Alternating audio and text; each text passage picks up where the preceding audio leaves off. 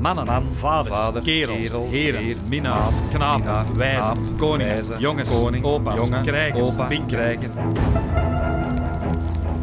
broers, zoons, bompas, venten, knullen, vrienden, gozers, wazer, nonkels, gasten, vrijers, kastaars, kastaars, makkers, kleinzoon. Mijn naam is Hans en ik interview mannen over wat man zijn voor hen betekent. Dag Tom, Dag Hans. welkom in de podcast. Ja? Ik heb juist al genoten van het uitzicht hier over de Schelde. Ja. Bijna acht jaar geleden, toen kwam ik met Jessie in een dikke buik bij jullie op de praktijk, op de verloskundepraktijk.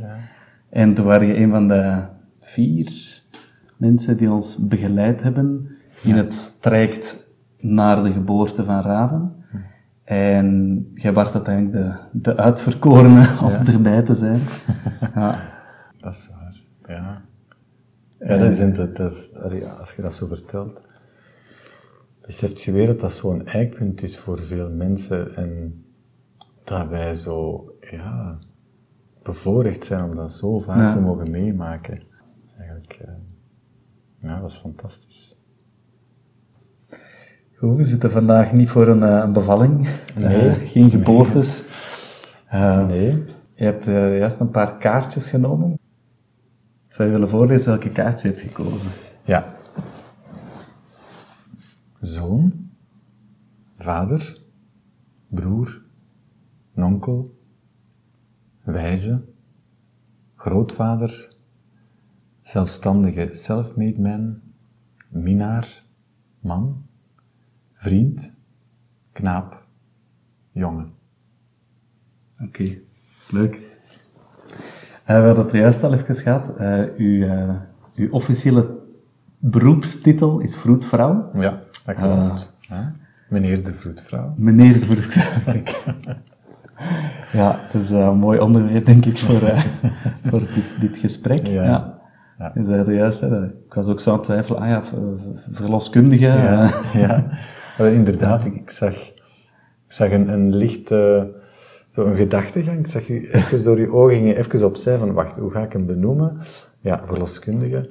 Ik ga niet vroedvrouw zeggen, hè, want er staat een man voor mij. Ja. En dat hebben heel veel mensen, als ze naar mij kijken en ze moeten mij als vroedvrouw noemen, dan voel ik een soort van gêne van, ja, maar ik kan dat toch niet maken, want hier staat wel een man voor mij en ik zeg vroedvrouw. Dus dan, ja Tom, ja, maar ik ga je toch zo niet noemen. Ik bedoel, hè, dat, dat, dat, je bent een man. Ik zeg vroedman. Ik zeg vroedman. Dan zeg ik, dat is prima. Ja. Ja, je mag dat doen. Maar je mag mij ook vroedvrouw noemen. Ik heb er eh, geen probleem meer mee. Vroeger had ik daar wel een probleem mee. Maar intussen, ehm, ja, zie ik... Ik bedoel, ik laat dat niet meer... Ja, ik laat mijn man zijn niet meer afhangen van die term vroedvrouw. Ja.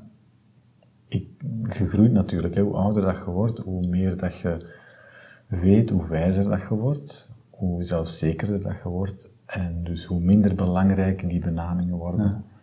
Ehm, dat dat uiteindelijk niet zegt wie dat je bent. Dat is waar. Ik, ik zei vroeger ook, ik ben leraar en nu ben ik Hans en ik werk als leraar. En ik vind dat een heel fijn verschil. Ja, Ja, los van hoe goed ik mijn job doe. Ja. dat is waar. Dus je bent geen vroedvrouw, je werkt als vroedvrouw. Voilà. Ja. I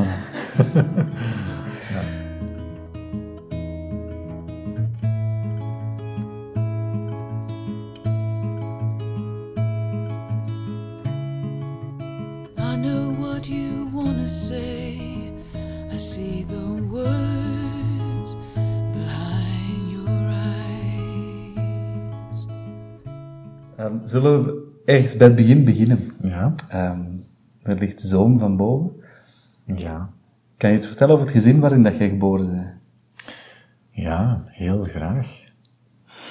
ja. ja, want ik krijg het eh, altijd eh, warm eh, als ik daarover mag praten.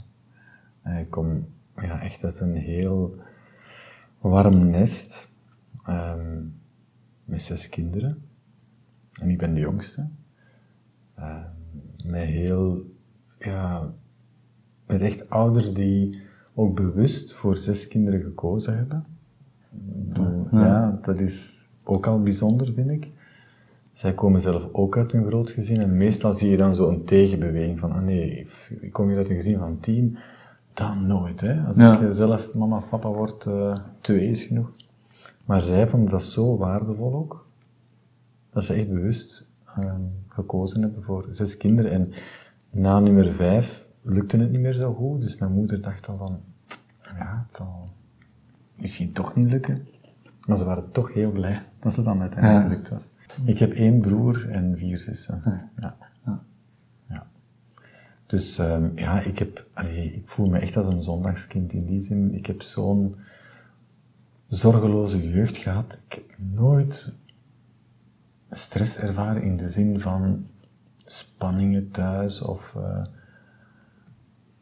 verbaal geweld, fysiek geweld. Ehm, ja, de enige stress of, of onbetandigheid, dat was van, ah, ik moest afwassen terwijl ik wou buiten gaan spelen. Hè. Ja.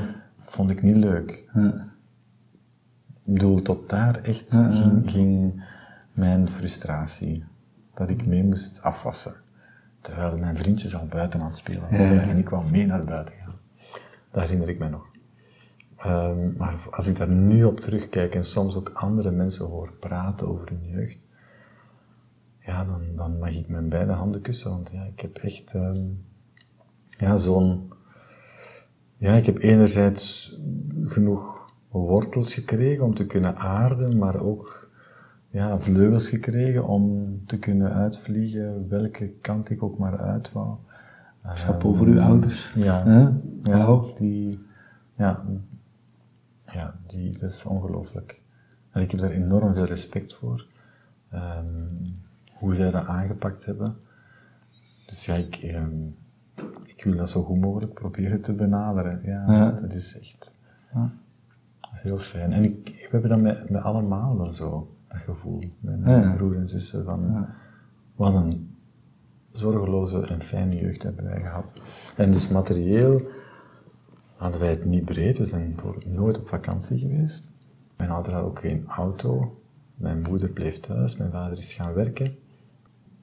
Nee, ze, hun enige vakantie, dat was kookouder zijn in de jeugdbeweging. Dus Ja. ze hadden allemaal in de Giro en dan... ehm, dat was hun vakantie dan. Meer Ja. kookhouder zijn Ja. op kamp. En eh, eens een dagje naar zee gaan, maar dan wel de eigen boterhammen meenemen. Ik bedoel, dat heeft eigenlijk niks te maken met gelukkig zijn of niet. Dus, En je, ja. zei, je zei er juist zo mooi van, hè? ik heb wortels gekregen en vleugels. Mhm. Ehm, kun je def- definiëren wat dat je van je moeder hebt gekregen en wat van je vader? Of welke, welke kwaliteiten dat je hebt meegekregen? Ehm, van mijn moeder het, ja, hmm, vertrouwen meegeven, maar van mijn vader ook hoor. Ehm, het zorgende. Mijn moeder, ja, dat is echt, ja, dat is een manager, hè. Alleen een gezin van zes kinderen. Ik bedoel, geolied en draaiende houden. Zij beheerden ook de financiën, ehm, ja, inkomsten, uitgaven, zodat, zodat kunnen, ja, zelfs, ik ben nu zelfstandige, ik denk veel van die kwaliteiten heb ik van mijn moeder. Ja. zo alles kunnen managen. Eh, boekhouding op tijd in orde brengen. Bij haar was dat maar van eh, ons gezin. Voor mij is dat nu wel van een groter eh, iets. eh, van die vroedvrouwpraktijk. Ehm, maar dat zo minutieus opvolgen en dat goed georganiseerd krijgen, dat heb ik wel van mijn moeder. Ja. Het, het, ja, het gevoelige heb ik meer van mijn vader. Eh, Het ehm, kunnen praten over gevoelige onderwerpen ging ik niet met mijn moeder doen. Ah, nee. Nee, dat deed ik met mijn vader. Ja. Onze vader was op dat vlak toegankelijker.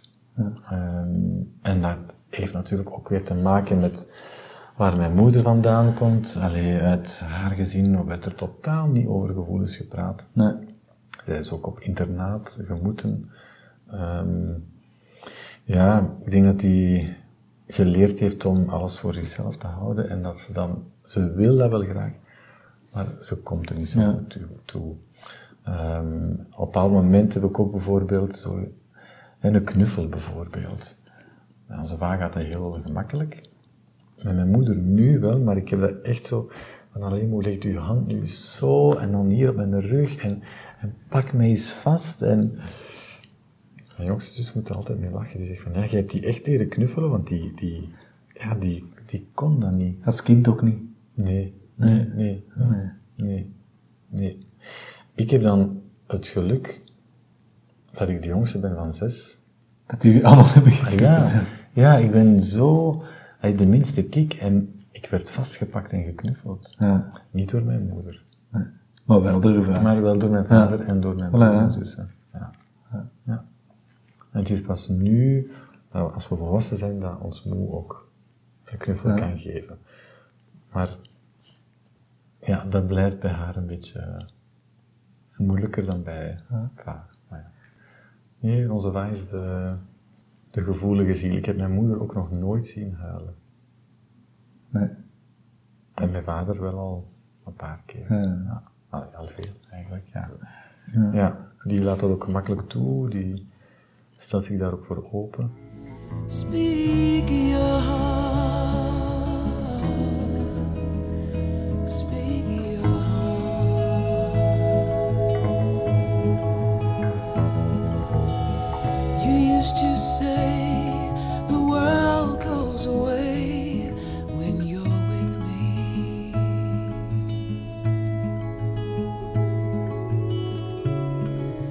I don't want to be your reoccurring dream.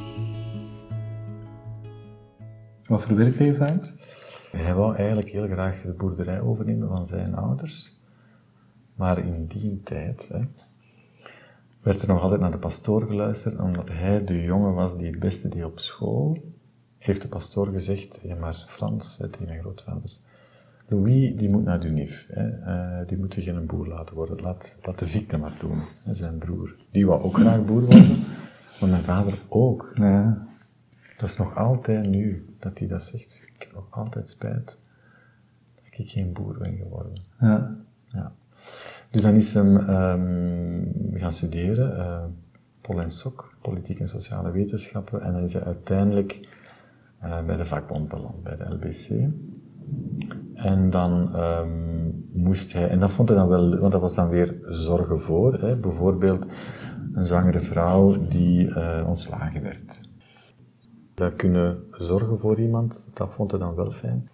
Ehm hij heeft er dan toch tot zijn pensioen gewerkt. Ja.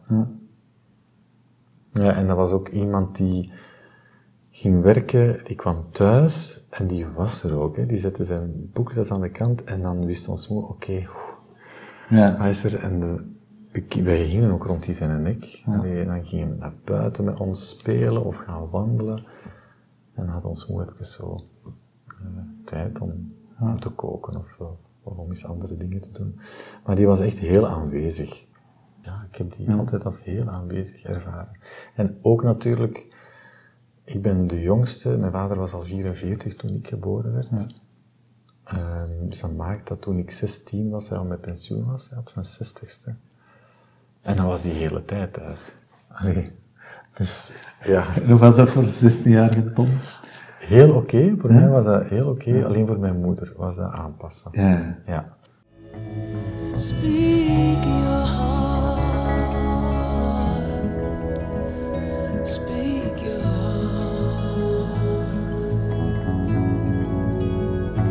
Heart. Speak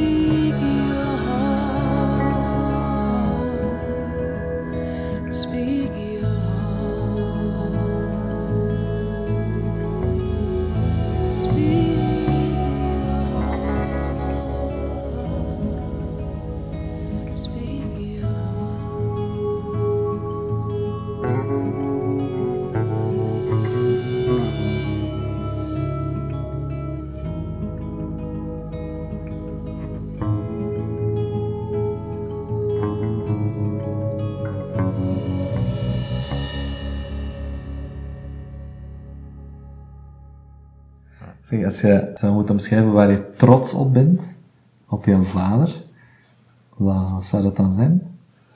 Ehm, ja, dat die... Mijn vader is heel gelovig. En dat die echt christelijk, christelijk is in de zuiverste zin van het woord. Dus nooit iemand veroordelen. Altijd met een open geest naar iemand toestappen. Vol vertrouwen. Die ook carte blanche geven. En niks opleggen. Ja. Want, ja, bijvoorbeeld toen ik, eh, ik heb eerst Germaanse gestudeerd. Dan heb ik eh, vijf jaar op het conservatorium gezeten, musical gedaan. En dan heb ik pas vroedkunde gedaan. En toen ik eh, met die derde studie afkwam, dacht ik, oh, wat gaan die zeggen? Die gaan zeggen dat ik niet weet wat ik wil, of eh, dat ik nu toch eens moet kiezen. Hè? Maar ja, zijn reactie was van, Tom, nee, fijn, als je dat voelt, dan moet je dat doen. Want het is niet omdat je een diploma hebt dat er een verplichting is dat je dat tot de rest van je, hè, dat, dat, dat je tot je pensioen moet uitvoeren. Nee, als je voelt dat je dat wilt doen, moet je dat doen. En dat was zo fijn. Want andere mensen geven wel die commentaar van, Ja. hoe ga je nooit studeren? Allee, vroedkunde, nou, waar komt dat? En nou, dat snap ik niet. En dan heeft mijn vader met alles en bij iedereen van ons, vind ik, zo altijd dat vertrouwen gegeven. Nooit zich vragen bijgesteld. En dat vind ik zo'n mooie eigenschap. Ja. En ook niet denken aan, gaat je op kot of gaat je, allee, altijd, als je op kot wilt, gaan we op kot en we zoeken wel een oplossing. Ja. Ja, dat, van, we vinden wel een manier. Ja. Als jij dat voelt, dat je dat moet doen, dan moet je dat doen.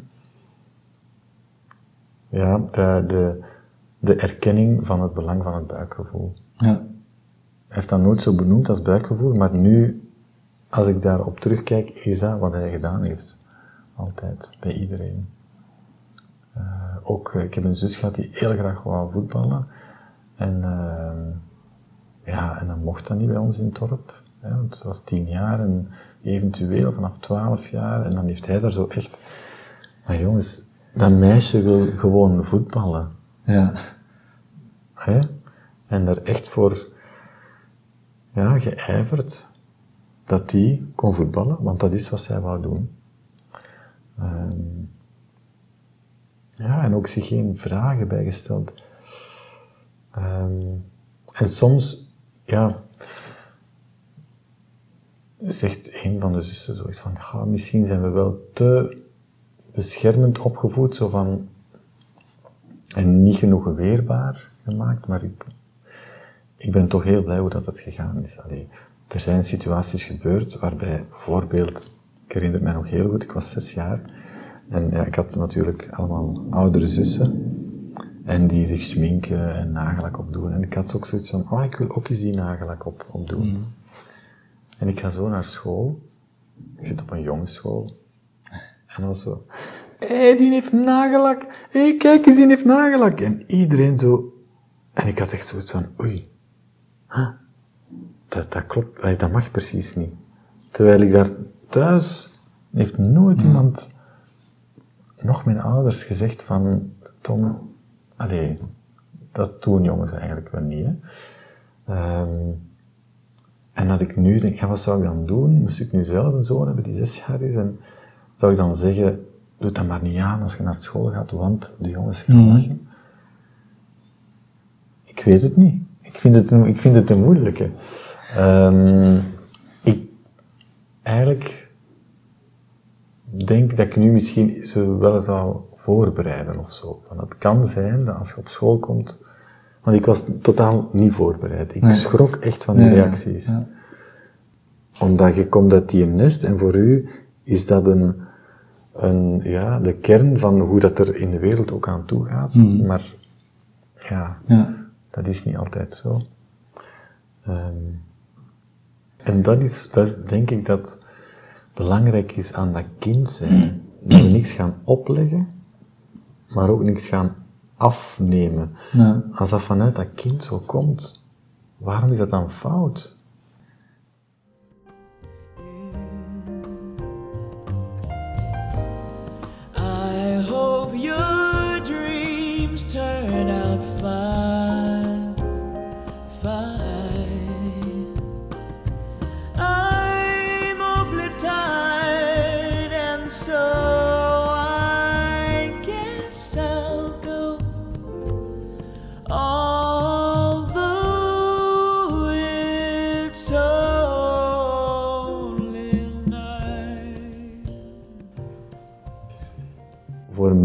Was ik wel heel bijzonder. Het is, dat is zo het verhaal dat dan meegaat in de familie natuurlijk. Hè.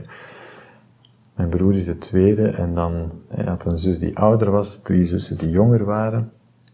Dus toen mijn moeder zwanger was, had hij echt graag dat het een broer zou zijn.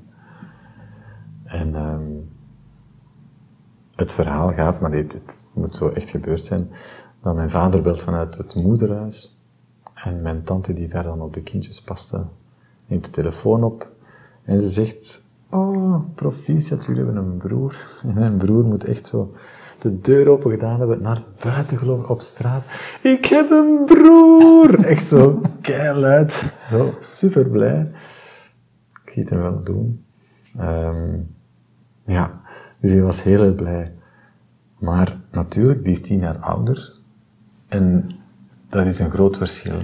Ik voetbalde dan ook helemaal niet graag. Dat interesseerde mij totaal niet. Dus dat was voor hem misschien een ontgoocheling van, oké, ik heb wel een broer, maar ja. Ehm, en ja, dat is, het is, ik heb met hem in het begin geen, geen nauwe band gehad, eh, omdat de leefwerelden zo Ja. totaal verschillend waren. En hij is dan eh, sportleerkracht geworden. Maar nu, ja, nu is dat super, hè. Dat, dat is heel tof. Ik ben heel blij met onze Frank. En ja, ik, ja, dat, ja, ik ben er ook trots op. Ik, ik, vind dat, ik vind ook dat hij dat heel goed doet als papa. Ik, hij heeft drie dochters. Ehm, ja, en ik vind dat hij ja, dat heel goed doet. En ook die gevoelige kant van onze vader meegeeft. En ook Ja. kan praten met zijn dochters. En eh, over gevoelens kan praten. Ook kan knuffelen. En, eh, ja, en dat vind ik altijd zo waardevol aan een man. Aan een man dat kan. Ja. Dat hij zichzelf ook kwetsbaar durft opstellen. Zichzelf ook in vraag durft te stellen. En ook over gevoelens kan praten. Ja. Dus ja, ik ben heel trots op hem. Hoe, hij nu als eh, man, als vader, als echtgenoot eh, in het leven staat. Ja. Ja.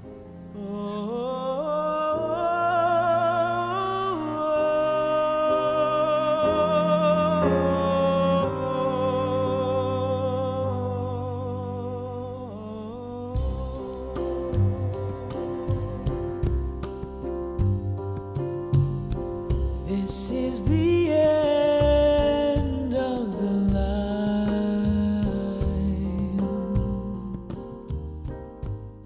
Zeg jij als, als jongen, want die ligt er ook bij, als knaap, Ja. hoe, hoe was het om, om langzaamaan van, van, van jongen naar jonge man te groeien? Ja, ja, ik zeg het, ik heb dus zo'n superleuke jeugd gehad. Ik ben alleen maar met nostalgie naar terugkijk, naar die periode. Ik heb... Dat gezin was al heel warm. En dan de buurt was super, hè. Er waren... Er zijn altijd heel veel jongens in mijn leven geweest. In die zin, eh, de leeftijdsgenoten van de straat waren alleen maar jongens. Ja. Dus ik had alleen maar Jongens eh, met wie jongens je met wie speelt. ik speelde in de, in de buurt. Ik zat op een jongensschool ook, in de lagere school.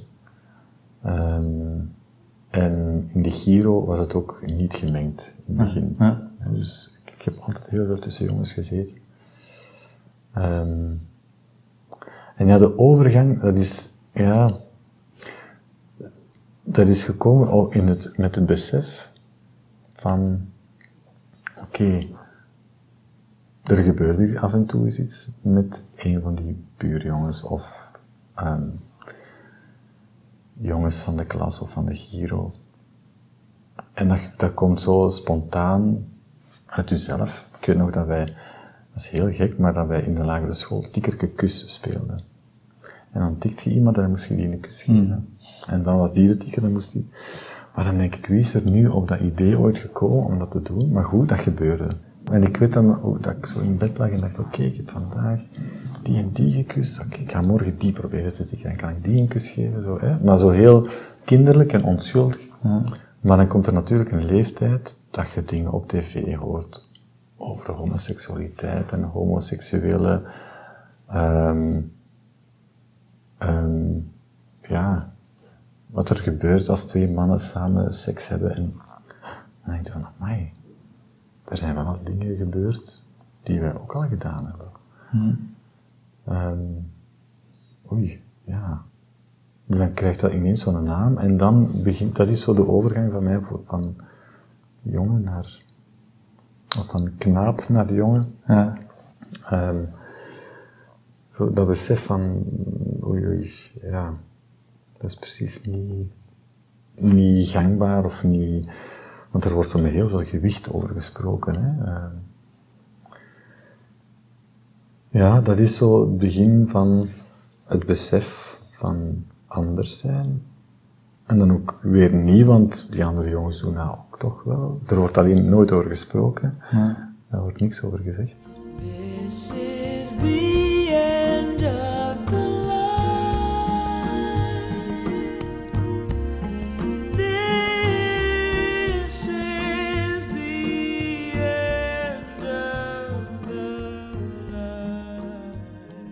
daar heb ik niet met mijn vader over gesproken. In, aanvankelijk niet. Maar wel met mijn jongste zus dan. eh, die ehm, vier jaar ouder was. En die zat toen, ik denk in haar eerste jaar pedagogie of zo. Die was 18 en ik 14. En dan weet ik nog dat gesprek dat ik eh, zei van... Goh, ja, ik moet toch eens iets vragen, want... Ja, af en toe is er iets gebeurd met andere jongens en... ehm, ja, en dan vraag ik me af, ja, ben ik dan homo of... Ah, ik zit, ben zo wat in de war. En dan zei ze, goh Tom, dat moet je niet aantrekken. Dat gebeurt heel veel met jongens. Ehm, ehm, heb ik geleerd, hè. zo, ehm, dat die wat experimenteren en dat dat, dat het daarna gewoon overgaat. En ik dacht, oké, oké, dat gaat gewoon over, dus dan doen we het nu gewoon nog maar. hè. Ja. Allee. Ehm, maar natuurlijk, na een bepaalde tijd ging dat bij die andere jongens wel over. Dus dat, gevoel dat er geen aanstalten meer gebeurde, of dat er geen toenadering meer gezocht wordt, of dat er, ja, gevoelde dat besef van, wacht, nee, wat, wat dat hier gebeurt eigenlijk, is dat niet oké, of, of ik wil dat niet meer. Dat werd nooit gezegd, maar je voelde aan alles dat dat, hoe langer, hoe moeilijker werd of zo. En ik had zoiets van, ja, maar ik, ik heb daar eigenlijk wel nog zin in. Bij mij gaat dat niet zomaar weg, of... Dat was wel lastig, van, oh, wat, moet ik daarmee doen? Ehm, en ik ben dan de jongste. Ehm, op mijn 15 was ik al nonkel. Ja. En je ziet dat allemaal gebeuren en ik, vond dat fantastisch. Allee, ik vond dat zo... ik- ja, dat was ook mijn droom om, net als in mijn gezin, zoiets te kunnen bieden aan eigen kinderen, ehm aan vrouw, kinderen. Zoals mijn zus en mijn broer begonnen zo. Hè. Ehm, dat was echt een... Niet dat ik dat voel dat dat opgelegd werd, maar ik wou dat gewoon heel graag zelf. En dan, ja, ja is dat een hele zoek, zoekende periode geweest. Ehm, die twee laatste jaren van het middelbaar. Ehm, En dan ook, omdat er meisjes verliefd werden op mij, dat ik dacht, ik ga dat eens, ik, ik ga daar eens in meegaan om te voelen wat dat, dat is. En, en je probeert jezelf dan zo wat op te krikken en, en te doen geloven van, ah ja, dat is eigenlijk ook wel fijn en ik voel ook wel iets. En, ehm, maar uiteindelijk, ja. Het is nog een, een, grote, een, een grote césuur geweest in, in, toen ik naar Leuven ging op kot. Toen dat ik zei van, oké Tom, nu, nu is dat gedaan. Met die gevoelens voor jongens, dat, dat gaat er nu echt iets uit je hoofd zetten. Ja. Um, je bent hetero. En um, dat, is, dat moet nu echt gedaan zijn. En het is wonderwel gelukt, een tijd. Um, ja, en dan heb ik ook een vriendinnetje daar gehad. Het grappige was dat zij was, ja, ze vond mij heel lief en ze kon zo goed praten en ze had zo'n slechte ervaring met haar vorige relatie. En, um, en ze zei van, ja, allee, je, moet, je mocht echt niks forceren, want ik heb, allee, ik, ik heb daar eigenlijk een slechte ervaring mee gehad. En natuurlijk niet, allee. Zeker. ja, nee, maar zo heel begripvol en, nee, tuurlijk. En, maar na een half jaar is hij zo, ik weet niet meer wat de aanleiding was, maar zo wel ineens kwaad geworden van, zeg maar, waarom, ja, waarom neem je nooit eens initiatief? En ik dacht, ja, maar jij wou toch gewoon, jij wou toch liefst dat er niks gebeurde, want eh, bij je vorige relatie was dat zo een beetje geforceerd gebeurd. En, ja, maar ja, dat is nu al heel lang geleden en, uh, allee, ja, ik, snapte het niet. Ik had zoiets van, wacht, maar eerst vraagt je om hè, je tijd te nemen en en nu doe ik niks en is het ook niet goed. Allee. Um, dus dan zaten we op dat punt zo. En ondertussen was er toch ook ja, een jongen in het uh, taallab, de Germaanse. En wij hadden, um, wij moesten zo allemaal ja, in van die ja, taallabo's zitten met een koptelefoon op en de hele tijd spreken zo. En moesten zinnen. En de prof zat daar en die had ook zo zijn twee beste studenten van derde jaar, hè, die mochten mee assisteren. Ja, en dat was, dat was een hele mooie jongen, die daar altijd voor mij zat. En, um, maar ja, ik kon dat echt zo, kon dat echt wel wegduwen, totdat hij zelf zo'n keer, um, ja, hij zei, duw dan een knop in en dan zeggen ze van, ja, Tom, could you please repeat that sentence? En dan, oké, dan moest ik dat opnieuw zeggen, want ik had een woordje fout uitgesproken. En dan hoor ik die zo dat ding induwen, dat hij zegt, um, heb jij vanavond iets te doen? en je zit daar zo met die koptelefoon, of je ziet zo naar die buren te kijken, en die, die zijn maar aan het spreken. Je denkt van, oh nee, heeft iemand dat gehoord? Ik was totaal stijf, van, hm, wat moet ik hier zeggen? En dan zo, uh, nee ja, als je gezien hebt, hè, kun je iets doen en kom anders maar naar mijn kot. Oké.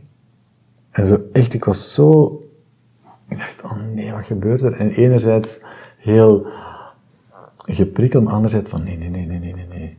Nee, ik, ik was er net ver van weggelopen. Ik, ik wil daar echt niet meer naartoe gaan. Uh, maar ja, dat is dus gewoon uw aard, dus dat, is, dat komt gewoon naar boven en uiteindelijk, ja. Ja, zijn we daar dan wel verder mee gegaan en dat was voor mij wel een moment, um, eigenlijk door dan met een, een, vriendin, die ik, waarmee ik samen was in het zesde middelbaar, en die ik nog altijd sprak, dat die zei van, Tom, maar allez, het wordt nu tijd om dat eens allee, voor uit te komen en aan je ouders te vertellen, nee, dat is wie je bent en dat is oké, dat is echt oké. Dus het heeft mij echt wel geholpen ook.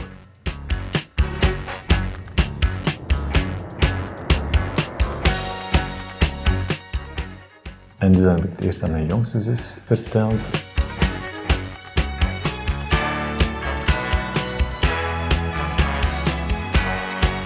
Dan gevraagd of zij er wel bij zijn als ik het aan mijn ouders vertelde. Mijn vader was aan het afwassen en mijn moeder was aan het afdrogen. Ik zeg, oh, ik zou iets eh, moeten vertellen, maar ik zou graag hebben dat jullie even gaan zitten. En onze vader zo, nee, dat is, dat is oké, dan blijf wel, blijf wel staan, zeg maar. Ja, en het woord homo kon ik niet op, over mijn lippen krijgen, toen.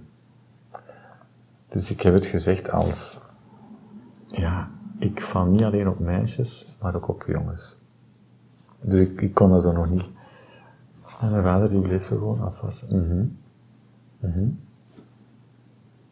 Zo, oké, en so what's, what's next? Allee, zo van, en dan keek hij zo, "Ah, maar Tom, allee. dacht dat ik kwaad ging zijn of, of, of u niet meer graag zou zien. Allee, oh nee, ik zie hem altijd even graag, je bent fantastisch. En kom hier, allee, hè.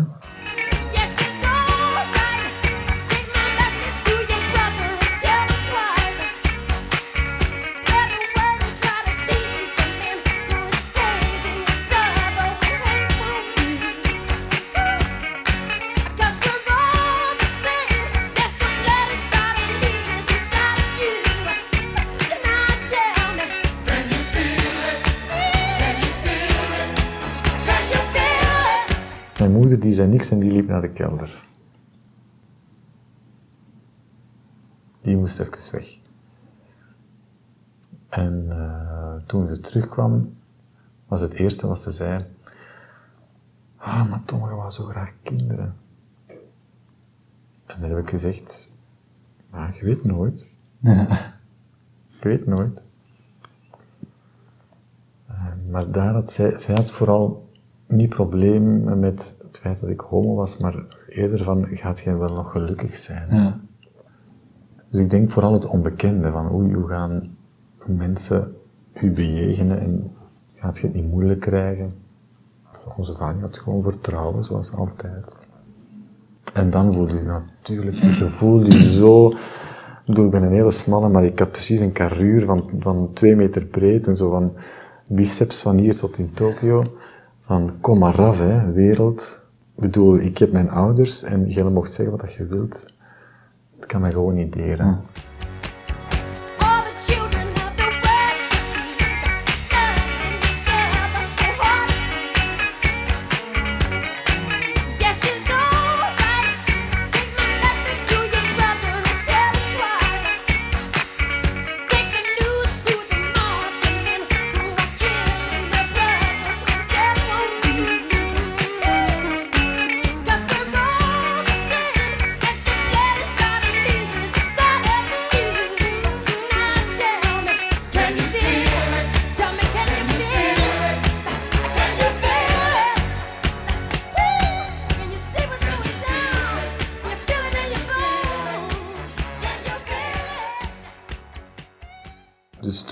Jaar was, had ik geen grootouders meer. Dus de, groot, de vader van mijn moeder was al voor ik geboren was gestorven.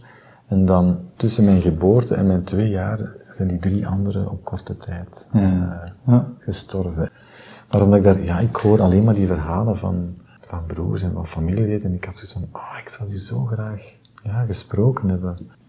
Want Mijn vader heeft vroeger in een knapenkoor gezongen, waar zijn toekomstige schoonvader, hè, de, de schoolmeester, die ook het koor leidde van, eh, van de school, waar hij dan bij inzong. Ook heel muzikaal, veel met muziek bezig. Ehm, en ja, het feit dat ik nu ook een kinderkoor heb zelf, ja, ik had daar ja, graag met hem over gesproken of, of zo gevoeld, gewoon op zoek naar herkenning of zo. Ja. Ehm, en dat vind ik dus jammer dat ik hem nooit ontmoet heb. En de vader van mijn vader, een echte natuurmens, ook ja, recht toe, recht aan, recht voor de raam, streng, maar ook heel rechtvaardig. Ehm, mijn vader spreekt daar ook met veel warmte over. Ja, denk ik, oh, dat zou ook zo'n fijne man geweest zijn om Ja. nu, mee over Ja. te, nu mee te praten. Ja, dat vind Dat ik is gewoon een extra laag, hè? ja, Ja. het is dat. Ja. Die extra laag had ik graag eens gevoeld. Ja. en Is uw vader een fijne grootvader voor uw neef en ja, nichtjes? ja, Ja. ja, zalig. Net zoals zijn vader is geweest voor ons. En ehm, ook, wat ik zo altijd grappig vond aan onze vader, en anders dan andere grootouders die ik zie, is dat hij even streng geweest is voor zijn kleinkinderen als voor zijn eigen kinderen. Dus als dat de afspraak is, dan is dat de afspraak en dan gaan we daar niet aan tornen. Ehm, ja, ik vind, en Dat is wel ergens, ja, ik vind dat Ja. ook mooi. Ja.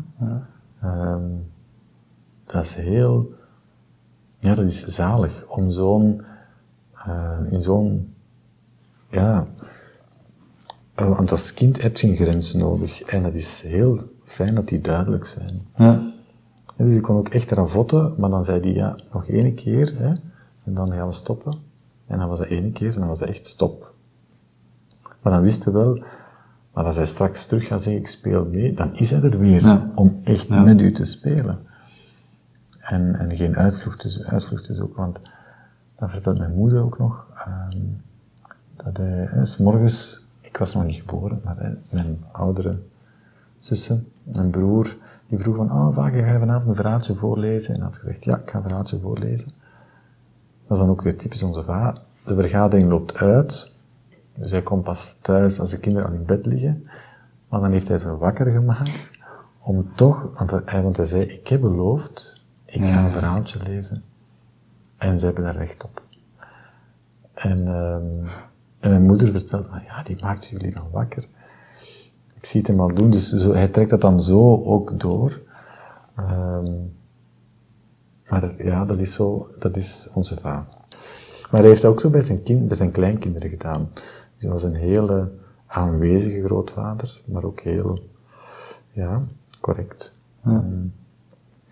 Zijn dat begrippen die bij jou bij een man horen? Correct zijn en als je iets zegt dat je het dan doet, consequent Ja. zijn en Ja, aanwezig of, of zijn? Misschien gewoon bij mens zijn. Ja. Ja, Ja. jawel. Ik, ik, ik eh, apprecieer dat gewoon in mensen. Dat die beloftes nakomen, dat die correct zijn. ehm, dat die oprecht zijn. Ja. Maar omdat dan nu ook heel erg, dat ik dat met mijn vader ident- identificeer, is dat stuk man er misschien ook bij.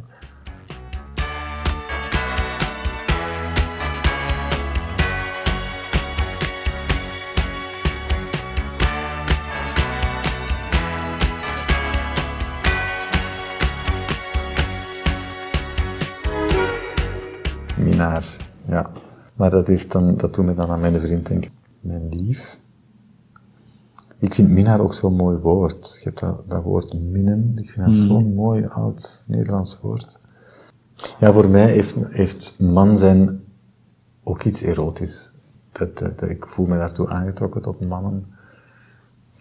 Dus die heeft, ja, dat heeft niet zozeer met kameraadschap te maken, maar eerder met ja, aantrekking, die, ja, die, die ja, aantrekking en daar geprikkeld worden, het seksuele.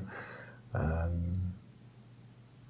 ik kan, pas op, ik heb ook wel hè, mannelijke kameraden, maar ik heb meer vriendinnen Ja. dan, ehm, dan dat ik mannelijke vrienden heb. Ja.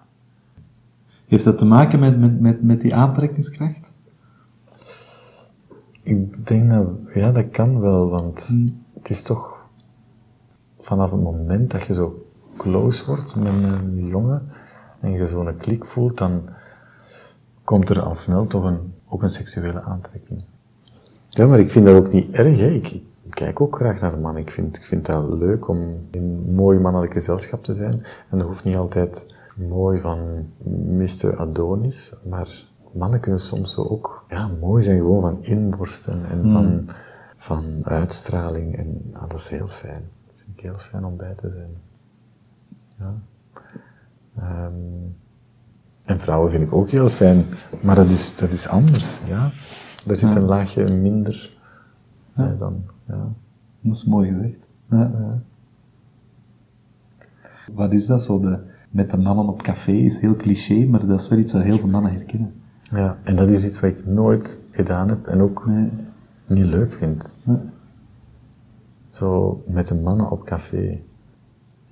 Ja, dat is grappig, ja. Maar dat, dat- voor mij heeft dat inderdaad een, een heel een, een niet-erotische, Ja. mannelijke, kameraadschappelijke eh, energie. Dat zou ik dan heel graag met vrouwen doen, dat jij vertelt. Ehm, maar ik, vind, ik heb ook nooit iets gehad met zo ja, op café gaan en dan maar over koetjes en kalfjes spreken.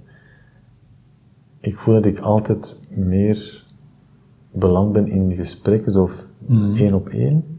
Dat ik daar altijd veel meer ja, voldoening van, van had en, en, en veel meer zin in had om zo met één, één iemand af te spreken. Zo het- in het groepsgebeuren voel ik mij gauw verloren. Ik ben ook zo niet, eh, geen flauwe plezant of zo, geen grapjesmaker. Ehm, en ik kan niet zo goed... Ja... Gesprekken met mij gaan... Ik voel dat als mensen met mij beginnen te spreken, dat het vaak over inhoudelijke dingen, of, of hoe ze zich voelen, of ehm, ja, dat het toch vaak een, een diepgang krijgt. En dat heb je in een groep moeilijker. Ehm, ja, ik heb zo, ik heb geen, ik heb geen vrienden, alleen mannen, vriendengroepen of zo. Dat we alleen met de mannen weggaan. Met vriendinnen heb ik zo echt behoefte, oké, ik moet er nu echt nog eens bijpraten. Dat is iets waarover ik ben beginnen nadenken. Met die vragen, dat ik dacht, ja, ja, dat is wel gek eigenlijk. Dat ik mij aangetrokken voel tot mannen, maar dat ik veel meer vrouwelijke vrienden heb.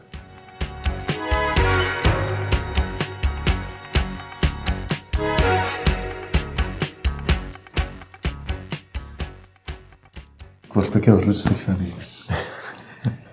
Ja, dat is fijn in, in dat beroep, hè. Iemand die in volle weeactie zit, dat je die zo even terug ge- geaard kunt krijgen. Ja. Ja. Zowel de vrouw als de man. Ja, dat vind ik dan wel tof ook. Dat ik, dan voel ik, ja, dat is misschien wel een, een plek waar ik voel dat mijn energie als man, die man van die vrouw ten goede komt. Ja. Dat hij zich daardoor op zijn gemak voelt. Dat hij daardoor gerustgesteld wordt. Dat hebben er sommigen al letterlijk tegen mij gezegd. En ik voel dat ook soms zo aan. Ja, die zijn blij dat ik hier ben. Die zijn blij dat hier een andere man in de ruimte is. Dan voel ik wel dat het anders is. Mannelijke energie of vrouwelijke energie.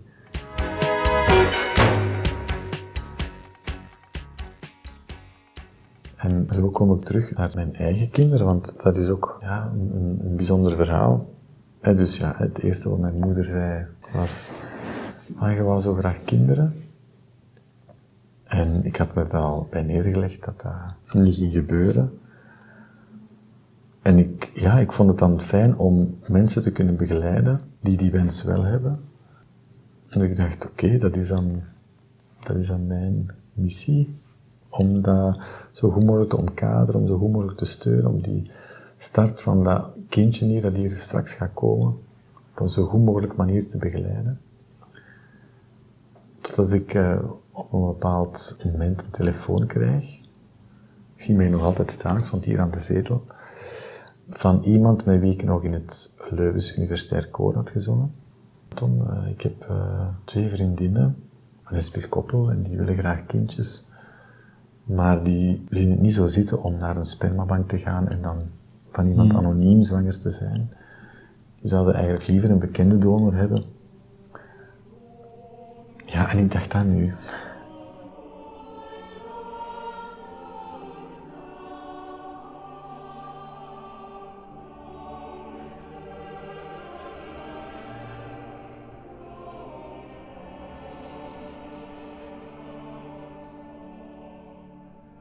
En echt, ik ben hierop gaan zitten, zo van, oké.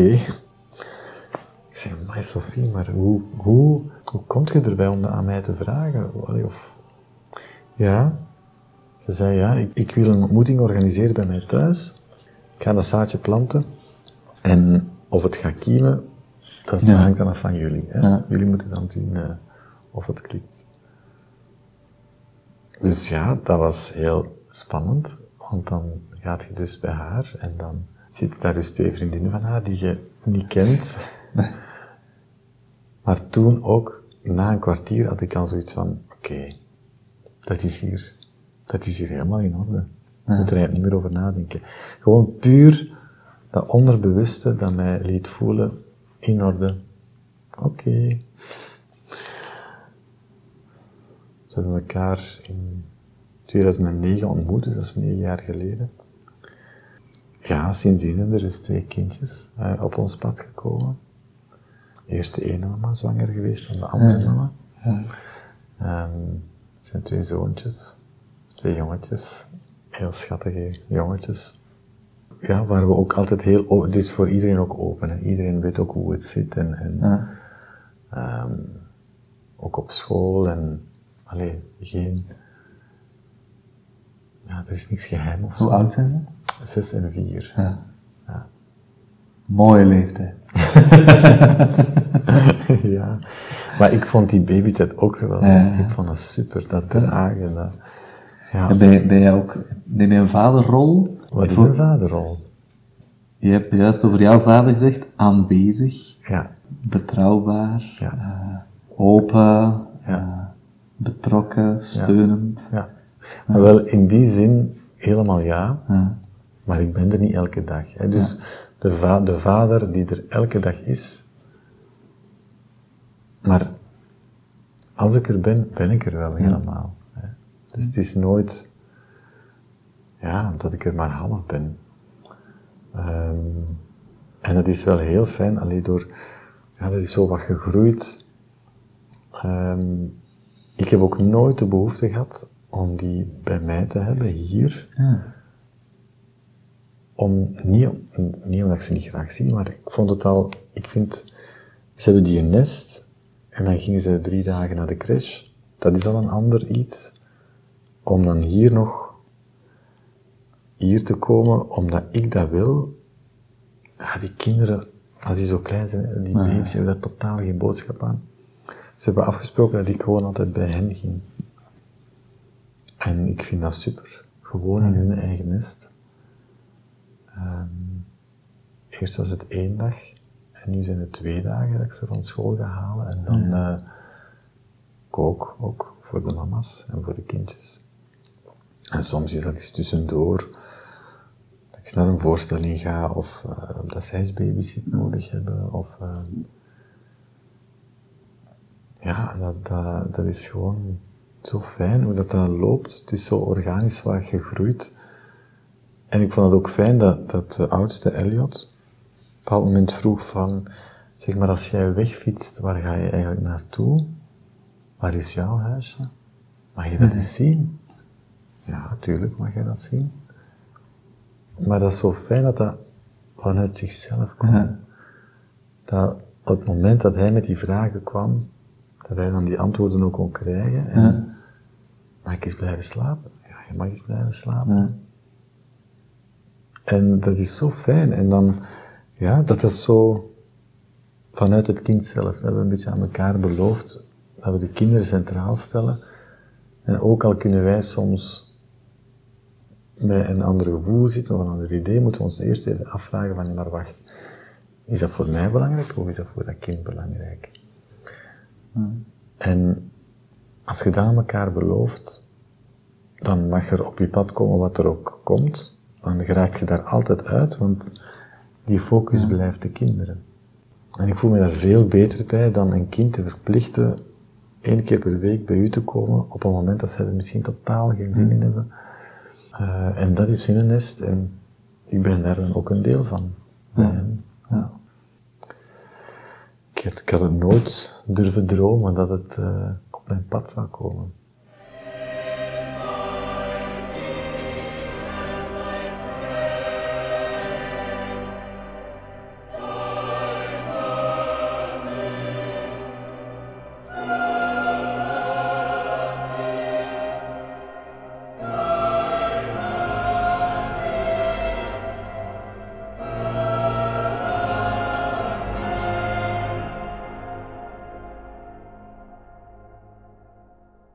En zo noem jij ook papa.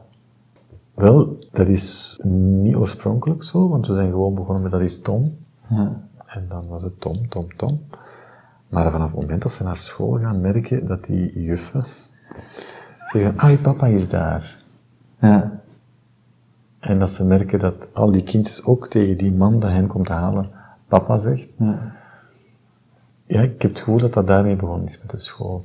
En nu is dat een, een, zo is dat, papa, papa, Tom, of, ja. Zo'n een, een mix. Fijn, ik heb ook... En die oudste, dat is zo straf hoe dat, dat begint, al die psychologie, dat Felix mij eens Tom noemde en dat Elliot zei, ja, maar het is wel papa, hè? En dat ik zei, Elliot, dat is helemaal oké. Ik zeg, Felix mag mij Tom noemen, maakt mij niet uit. Ik zeg, dat, je hoeft niet papa te zeggen, hè? Of, ehm hij had een tekening gemaakt, en eh, mama en mama, hè, want de ene mama is Franstalig, komt uit Parijs. En dat is dus mama en mama. Dat was Felix, Elliot, mama en mama. En dan keken naar mij. Oh ja, en, en jij moet er ook nog op. Ik zeg, maar Elliot, dat is oké. Ik zeg, in jouw huisje wonen mama, mama en jij en Felix. Dat begint soms bij hem zo, dat hij al zich naar mij wilde verantwoorden van, ja, maar je hoort er ook bij, hoor. Maar wat, wat een zegen voor de kinderen, dat ze niet jou... Allee, er is zelfs geen schuldgevoel of geen projectie, Nee. maar dat dat er niet is gewoon. Dat is Nee. Wat een Nee, cadeau dat je kinderen geeft. Ja, dat, ja dat, dat, dat hoop ik. Ja. Ik probeer ook zo weinig mogelijk, ik ga met Elliot, die zit nu in het eerste studiejaar, met die rapporten of met die punten bezig te zijn.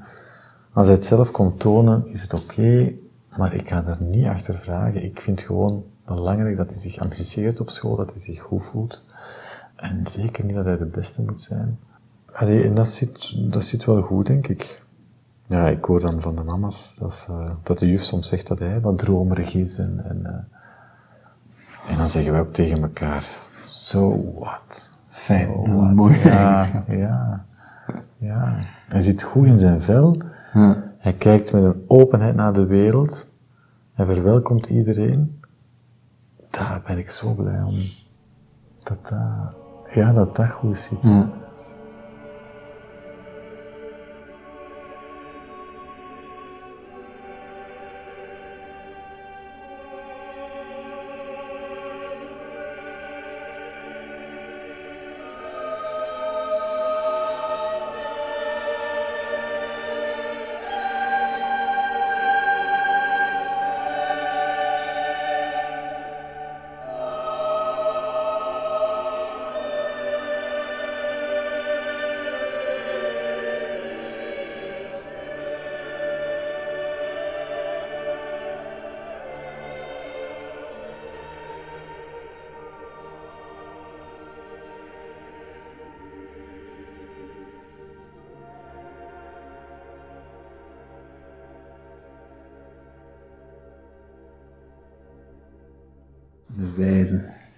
Vroede, de wijze betekent. Ja, dat ziet je in sommige achternamen ook nog, de vroei. Je? De vroei, betekent eigenlijk de wijze. En, en de vroede vrouw van Weleer, dat was hè, de vrouw die zelf al zes kinderen had gebaard en met haar ervaring dan de jongere vrouwen ging helpen in het dorp. Dat was dan de vroede vrouw, de vroedvrouw. En die naam is dan blijven plakken, ook al werd het beroep geprofessionaliseerd, is die naam echt wel blijven plakken. En ja, ik, daarom dat ik ook vind dat op termijn ze daarover mogen nadenken, net zoals ze nadenken over brandweerman en brandweervrouw, denk ik dat een wijze man of een vroege man ook mag bestaan in dat beroep. Wie, wie zijn de wijzen in jouw leven? De wijzen in mijn leven, ja, zeker mijn vader. Ja, chef, zeker. Ik heb nog, nog niet zoveel over hem verteld, maar hij is ehm, zeker een, een, een meerwaarde op, ja, op alle gebied. Ja, het is een beetje alles in één, zo het... eh, wijze minnaar, man. Ehm, ja, ik kan zo goed met hem praten. Ik vind dat zo heerlijk.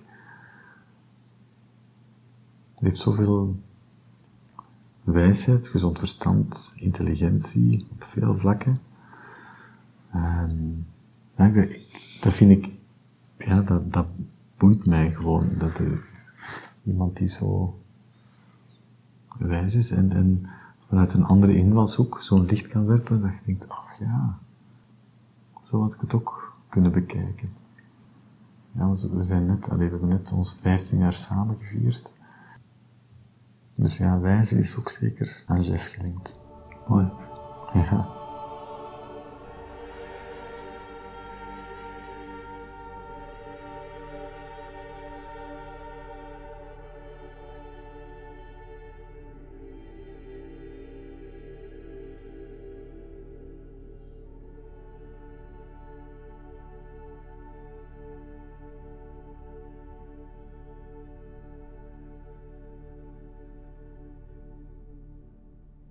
Daar ben ik, daar ben ik trots op. Dat, dat, dat, dat mij dat gelukt is. Die mijn familie is niemand zelfstandige. Mijn moeder heeft ook Germaans gedaan, die heeft ook les gegeven. Mijn oudste zus is muziekleerkracht, mijn broer sportleerkracht. Eh, mijn jongste zus is ook leerkracht in Okan. Dan, eh, ehm, dus zelfstandige, nee, dat zat er niet in. En dat is ook, ja, dankzij Jeff, die heeft mij daar echt heel erg in gecoacht en begeleid. En daar ben ik ook heel dankbaar voor. En nu ben ik heel blij dat ik zelfstandig ben. Ik vond dat moeilijk om ook het werk in het ziekenhuis los te laten. En nu sinds vier jaar ben ik dus volledig zelfstandig. Ja, ik zou nu niet meer terug willen. Nee. Ja, het vergt veel, ehm, die flexibiliteit, hè, want als je van wacht hebt, weet je nooit hoe je dag eruit gaat zien. Als je, ja, bijvoorbeeld, een wacht begint om tien uur, je wordt om één uur gebeld, dat loopt door, je hebt overdag consultaties staan, ja, die gaan we moeten verzetten, of collega's beginnen bellen, van kun jij overnemen? Nee, ik kan niet, oké, dan moet die verzetten, huisbezoeken, naar achter schuiven, misschien kom ik nog, misschien, of ah nee, de bevalling zal toch nog langer duren, oké, mag ik morgen langskomen? Nee, ik moet vandaag toch iemand zien, oké, een collega, allee ja, snap je? Dus, het is ongelooflijk geschuif.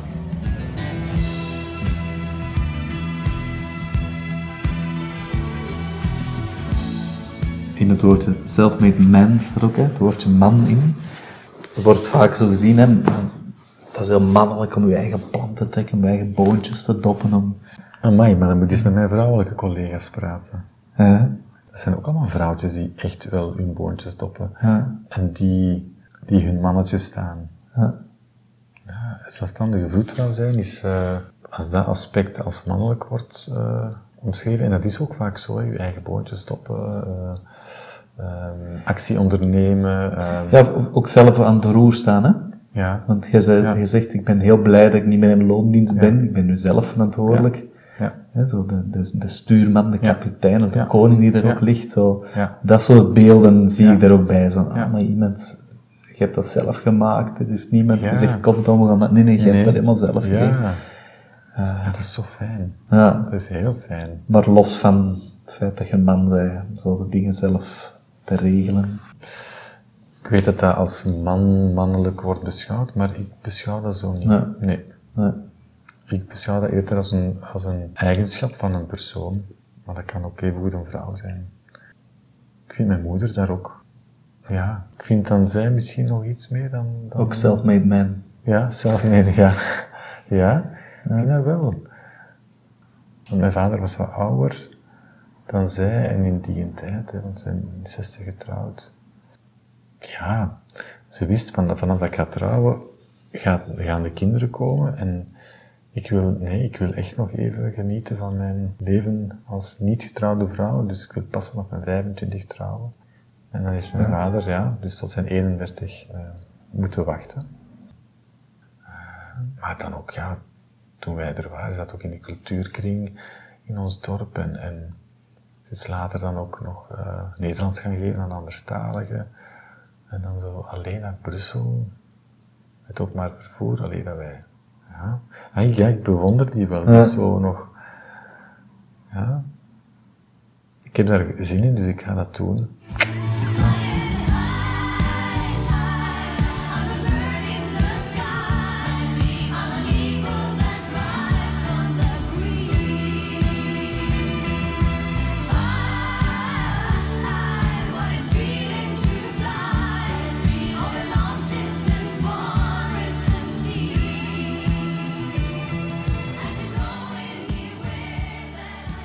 Stel dat er andere mannen naar dit gesprek luisteren.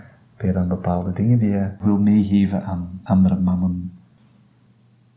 Ja, misschien, hoewel het fijn is om dat te gaan exploreren wat man zijn betekent, zou ik het fijn vinden dat mannen er ook los van kunnen komen.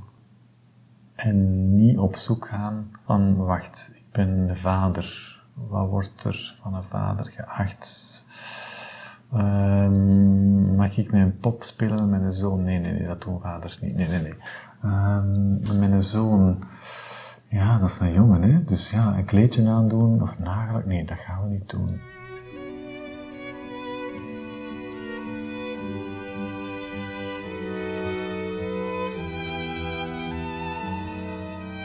Zo die zaken, ik hoop dat mannen daar los van kunnen geraken.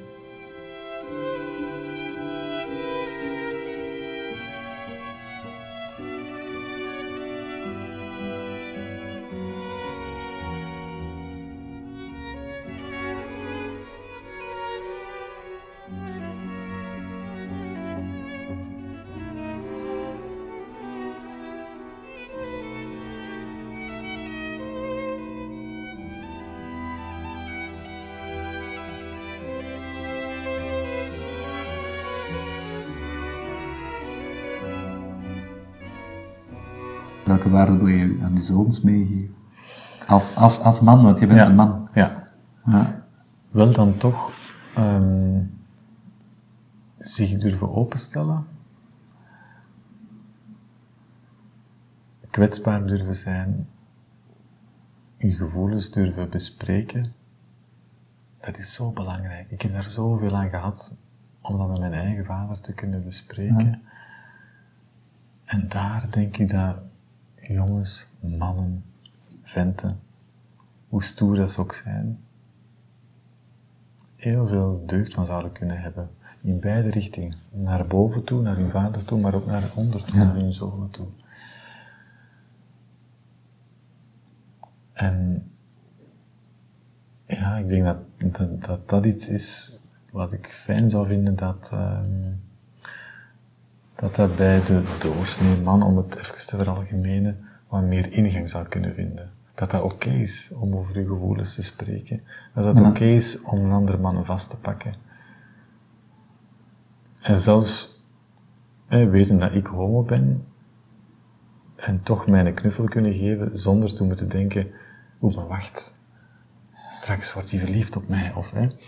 Ehm, want dat gebeurt soms als je mannen alleen zet, hè, in een café, en er komt een homo binnen, of ze weet dat is een homo, dan, oei, krijg je zo vaak de reactie, oei, mannen, pas op, hè, pas op, pas op. Precies alsof die man op al die mannen nee, verliefd zou worden of een bedreiging zou kunnen vormen. Terwijl, als er een vrouw binnenkomt, gaan ze dan niet zeggen van, oei, een vrouw, die valt op mannen. Jongens, pas op. Ze kan misschien verliefd worden op jullie.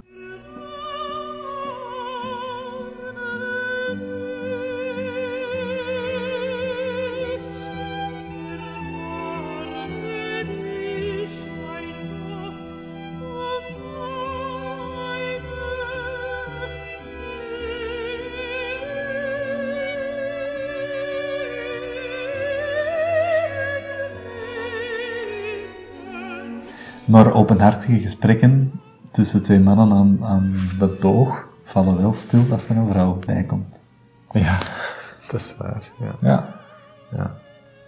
Weg. eh, mannen onder één gevoel. Ja. Ja. Dat is, dat is grappig. Ja. Dus daar zit nog een, en dan inderdaad, net zoals ehm, wat jij vertelde, ik vond dat wel mooi, dat verwijfde mannen u storen, eh, moeten zij zich misschien afvragen waarom het hen stoort. Van oei, een homo. Die homo is oké, die voelt zich waarschijnlijk goed in zijn vel. Ja. Dus we moeten misschien in zijn eigen boezem kijken waar het probleem ligt.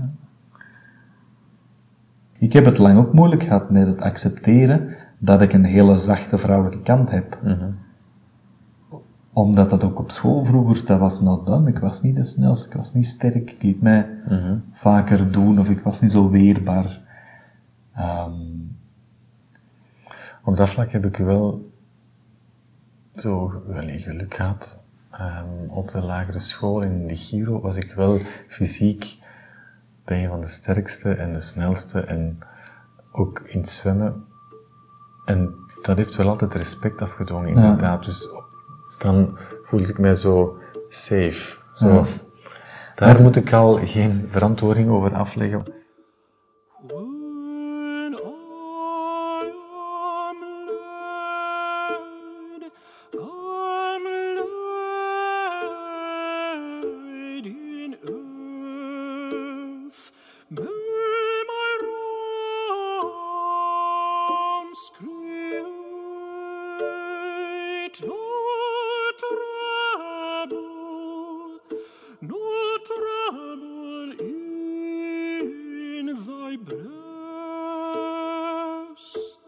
Maar er is toch iets om de jongens zo willen sterk zijn. Ja, maar dat is, Sterkste dat willen is, zijn. Dat is, dat is ook in zo dat rollenbollen en dat, dat, dat, zo, dat zo gaan vechten en, en het zo gaan aftasten van, hé, wacht, eh, wie, wie is er sterker, wie heeft hier de meeste kracht.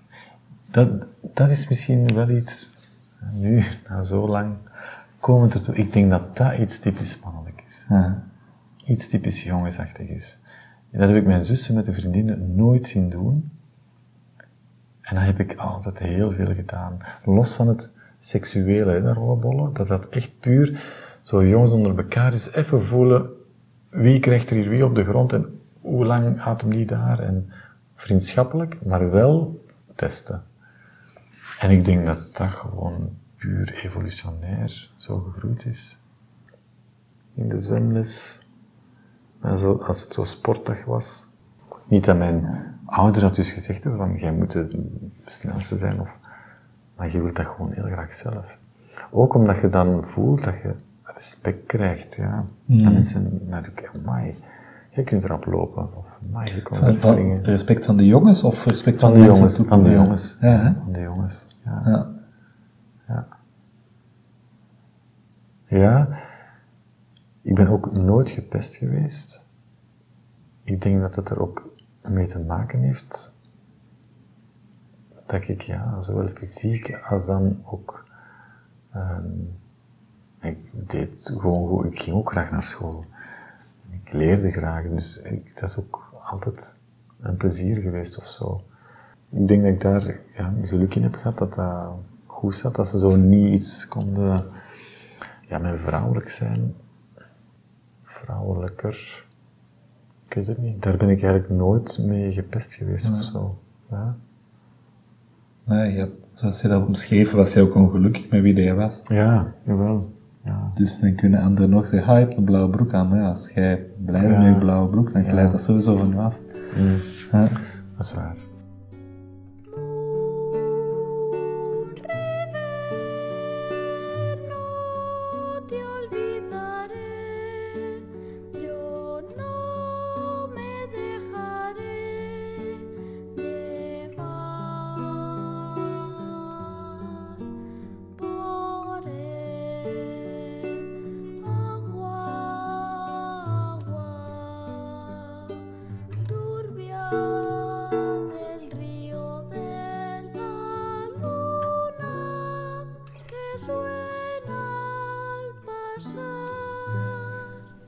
We nog uren door kunnen gaan, we gaan het afronden. Dankjewel Tom voor de openheid. Graag gedaan. Graag gedaan. Het was heel aangenaam.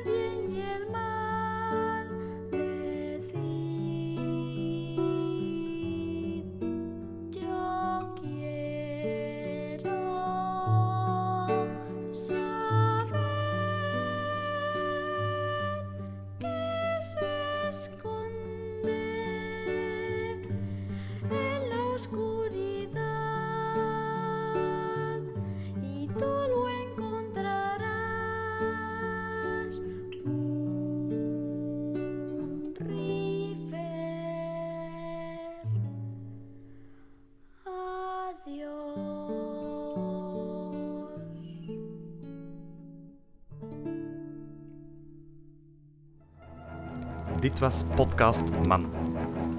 Wil je meer van deze podcasts horen? Ga dan naar iTunes en zoek op interviews met mannen.